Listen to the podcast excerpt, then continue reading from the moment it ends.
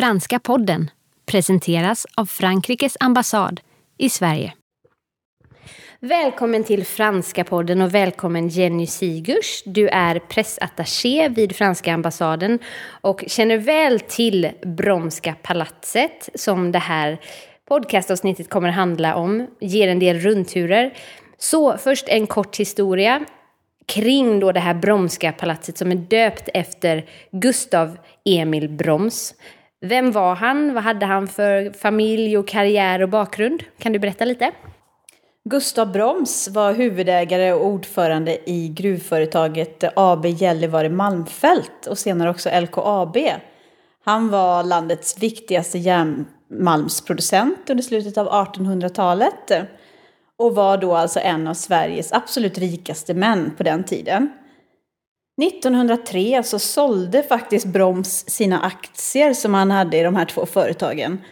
Och då gjorde han någonting ganska smart. Han utverkade en royalty som under 50 års tid skulle ge honom 10 öre per sålt malmton. Det kom att kallas malmörena.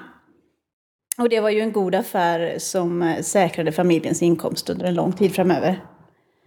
Han lät då bygga Bromska palatset åt sin hustru och sina fem söner på en tomt som han hade förvärvat i hjärtat av Östermalm. Och det var ju då för att kunna hysa sin familj i en stil värdig hans stora förmögenhet.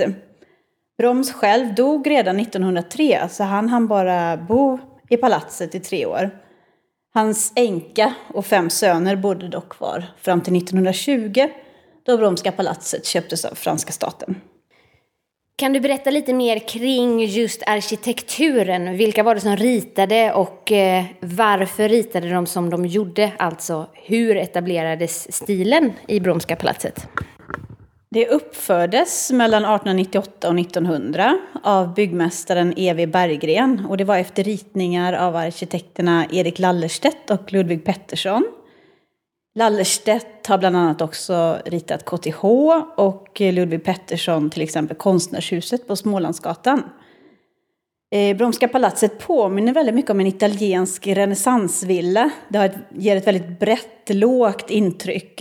Det är en långsträckt byggnad med låga flyglar smyckade med balustrader. Eh, det är ett sluttande plåttak som väl egentligen är mer anpassat till det italienska klimatet än till nordiskt snöfall de här båda arkitekterna var väldigt inspirerade av Italien, men också Frankrike. Det är salonger i fil på gatuplan och rum en våning upp. Och den här indelningen är då enligt den klassiskt franska mallen. Och det är skulptören Christian Eriksson som har gjort utsmyckningarna.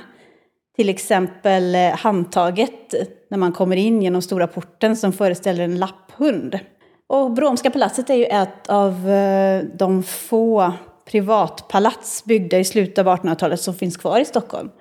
Mig veteligen så finns det fyra stycken med Bromska palatset. Kan du berätta lite mer om Frankrikes förvärv av Bromska palatset? Ja, 1920 köptes fastigheten av franska staten för att där inhysa Frankrikes legation i Sverige då, som uppgraderades till ambassad 1947. Och Bromska palatset idag då är den franska ambassadörens residens. Det är där som Jean-Pierre Lacroix, den nuvarande ambassadören, bor sedan snart tre år.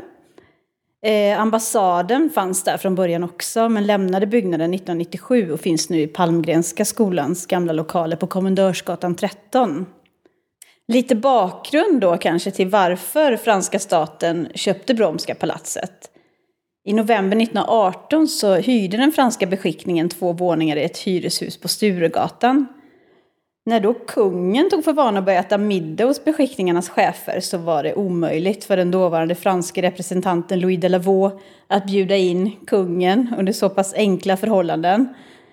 Och han hörde dessutom att, eh, att länder som Tyskland och Danmark förhandlade om att köpa fastigheter. Och då började de Lavaux se sig om efter en fastighet i Frankrike och skaffade sig förköpsrätt till Bromska palatset skickade en detaljerad beskrivning till sitt eh, departement. Och efter några turer, när ambassadören till och med hotat med att avgå om franska staten inte köpte palatset, så antog parlamentet principen om att köpa en representationsbyggnad i Stockholm och röstade igenom anslaget. Bromska palatset används då som bostad åt eh, Frankrikes ambassadör och hans familj. Och eh, också som representationsbyggnad. Det är många besökare varje år. 5-6 tusen kanske besöker palatset varje år. Förra året, 2013, under Kulturnatten så var det 3 000 besökare som hittade dit. Och det är naturligtvis luncher, middagar, seminarier, stort firande den 14 juli. Ministrar och presidenter och nobelpristagare har besökt eh, Bromska palatset. Senast en eh, fransk president var i Sverige var Nicolas Sarkozy 2009. Chirac var här 2000 och Mitterrand 1984. Eh, förra året var det väldigt många franska ministrar som var på besök, bland annat Najab Vallaud-Belkacem, jämställdhetsministern, Pierre Moscovici som då var finansminister och handelsminister Nicole Brick.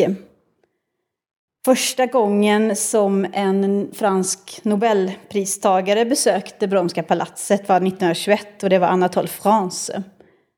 2008 var det naturligtvis Jean-Marie Le Clésio som besökte franska residenset. Residenset är ju fullt av vackra konstföremål. Kan du berätta lite om dina favoriter? Ja, det finns ju jättemycket vackert att se naturligtvis. Hela Bromska palatset är fullt av godbitar. Men om jag ska nämna personliga favoriter så måste det nog bli de två vackra gobelängerna från eh, Manufacture Nationale de Gobelins, gobelängfabriken i Paris. De heter Bacchus triumf och Filosofins triumf. Två jättegobelänger vävda i eh, guldtråd från slutet av 1600-talet. Och det är eh, otroligt att färgerna fortfarande är så välbevarade som de är. Sen har jag en, eh, en riktig favorit också i trädgården. Där finns en väldigt söt skulptur som heter Förälskad kvinna i extas av skulptören Ferdinand Dubois. Skulle du kunna ta oss på en liten eh, rundtur i residenset? Ja, man kommer in då genom Narvavägen 26. Och då ska man eh, lägga märke till att det inte klickar så mycket av klackarna för att eh, entrén här är belagd med träkubb, vilket var vanligt eh, under den perioden för att inte skulle, man inte skulle störa så mycket av, eh, av hästarnas hovar och klappret från dem. Sen går man upp för eh, ett antal trappor, kommer in i entrén. Där möts man av ett stort porträtt av eh, kardinal Richelieu. Därefter kommer man in i hallen, där det finns en trappa som leder till eh, ambassadörens privata bostad. Hallen kommunicerar med det som förr i tiden var dam och herrummet, numera Bernadotte-salongen och Salong Desirée Clary. Den kommunicerar också med den stora salongen som är som ett sällskapsrum och matsalen. Bernadotte-salongen går i empirstil, ett alldeles rött rum. Och där finns ett stort porträtt av Jean-Baptiste Bernadotte som fältmarskalke. Den stora salongen då användes på Broms tid mycket för, eh, för att eh, spela musik, eh, tror jag. Det är väldigt fin eh, resonans i det rummet. Eh, och det står fortfarande ett piano där. Salong Desirée Clary då, det heter naturligtvis så för att eh, det är ett porträtt av eh, Desirée Clary, Desirée av Sverige, som ju var gift med Bernadotte. Ja, där, där hålls ofta luncher och frukostar för lite mindre sällskap. Och det är ett rum som går i direktoarstil. Sen går man ner lite grann i, till det som på Broms tid var blomsterrummet, numera gobelängrummet, där de här fantastiska gobelängerna finns. Då. Sen har vi ett rum kvar och det är matsalen. Där hålls eh, middagar för lite större sällskap. Och där finns en annan vacker gobeläng som heter Resorna. Från matsalen kommer man ut till den stora vackra trädgården. Där 14 juli firas varje år med pompa och ståt. På Broms tid så fanns det faktiskt en tennisbana i trädgården. Och de hade också ett par, eh, ett par kor och någon get, tror jag, för att få lite lantlig känsla. Jenny, stort tack för din tid och för informationen om allt från gobelänger till jätter på Frankrikes residens. Vill man veta mer om residenset så kan man gå in på ambassadens hemsida ambafrance-se.org. Eh, på den franska sidan så under eh, menyn ambassad och under menyn patrimoine så står det mer om just residenset och ambassadens byggnader. På den svenska sidan med samma adress, man klickar över till den svenska sidan uppe i högra hörnet, så finns det under menyn eh, ambassaden och sen vidare ambassadens byggnader.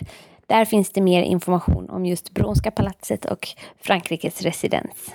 Tack för att ni lyssnade.